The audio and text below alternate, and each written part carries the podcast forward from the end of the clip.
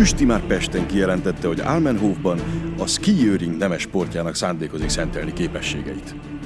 Nagyszerű alkalom volt ez arra, hogy egyben folytassuk kirándulásainkat az Északi Park ismeretlen belsejébe.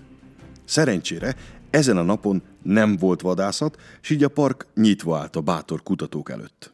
A skijöring abból áll, hogy egy lovat fognak a síelő elé, és a ló húzza a síelőt. Igen egyszerű dolog, és nagyszerű mulatság. Kecskési tanár úr hosszas tárgyalások után bérelt is két lovat, és azokat kötőféken vezettük a régi Gletscher mederig, amely a park felső legészakibb részéhez vezetett. Számításunk szerint ott kellett lennie a tónak is, amelyen tegnap éjjel csak nem megfagytunk. Az egyik ló vörös volt, a másik szürke. Amikor a hegyoldalhoz értünk, Kecskési tanár úr a szürkének a gyeplőjébe kapaszkodott, Üsti pedig a vörösébe. A szürke azonnal nekíramodott, és pompásan repítette a tanárurat.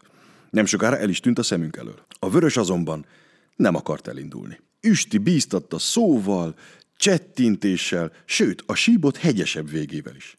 De a gebe csak nem akart megmozdulni. Üsti majd megpukkant mérgében. Hanci! kiabált kivörösödve. Gyíte! Hanci! Hanzi hátra nézett, és fejét csóválta. Üsti nagyon restelte magát. Odavágta a gyeplőt, és elindult a lejtőn ló nélkül. Gomblexi is hiába próbálkozott. Akkor fordított egyet a dolgon, és önmagát fogta a ló elé. A síbotok segítségével ellökte magát, és végre el tudta indítani a csökönyös állatot. Mint egy száz méteren keresztül húzta maga után a lovat, ami igen fáradtságos mesterség lehetett. Közben megérkezett a tanár úr, ló nélkül. Kiderült, hogy a szürke visszavitte őt a faluba, s berobogott vele az istálóba, ahonnan való. Most tehát itt volt Hanzi, és nagyon örültünk volna, ha ő is visszamegy a szülői házhoz. De esze ágában sem volt visszamenni. Itt állt, lógatta a fejét, és mivel itt nem hagyhattuk, kénytelenek voltunk felváltva húzni, fel, a nehéz terepen.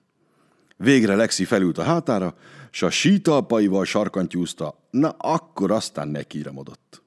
Fenn a tónál, bal szerencsénkre, találkoztunk a tegnapi vadőrrel. Élénk szemrehányással nézett ránk, de a tanár úr kiengesztelte. Megkínálta egy kitűnő szivarral. Akkor a tanár úr kérésére még arra is hajlandó volt, hogy a környék állatvilágáról előadást tartson. Mivel azonban rényszarvas a vidéken nem volt, az állatvilág nem érdekelt bennünket különösebben. Hogy tudományát fitoktassa, mint egy háromszáz láb magasból golyóval lelőtt egy öjvet. Ezért megéljeneztük, ami szemmel láthatóan jól esett neki. Meghívott minket a házába, amely tele volt kalit, kába zárt, mókusokkal és egyéb állatokkal.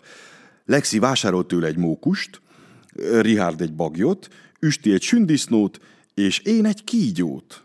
Ha ehhez még hozzáveszünk a lovat, amelyet odakint az ajtófélfához kötöttünk, akkor el lehet képzelni, hogy micsoda állatseregletünk volt e pillanatban.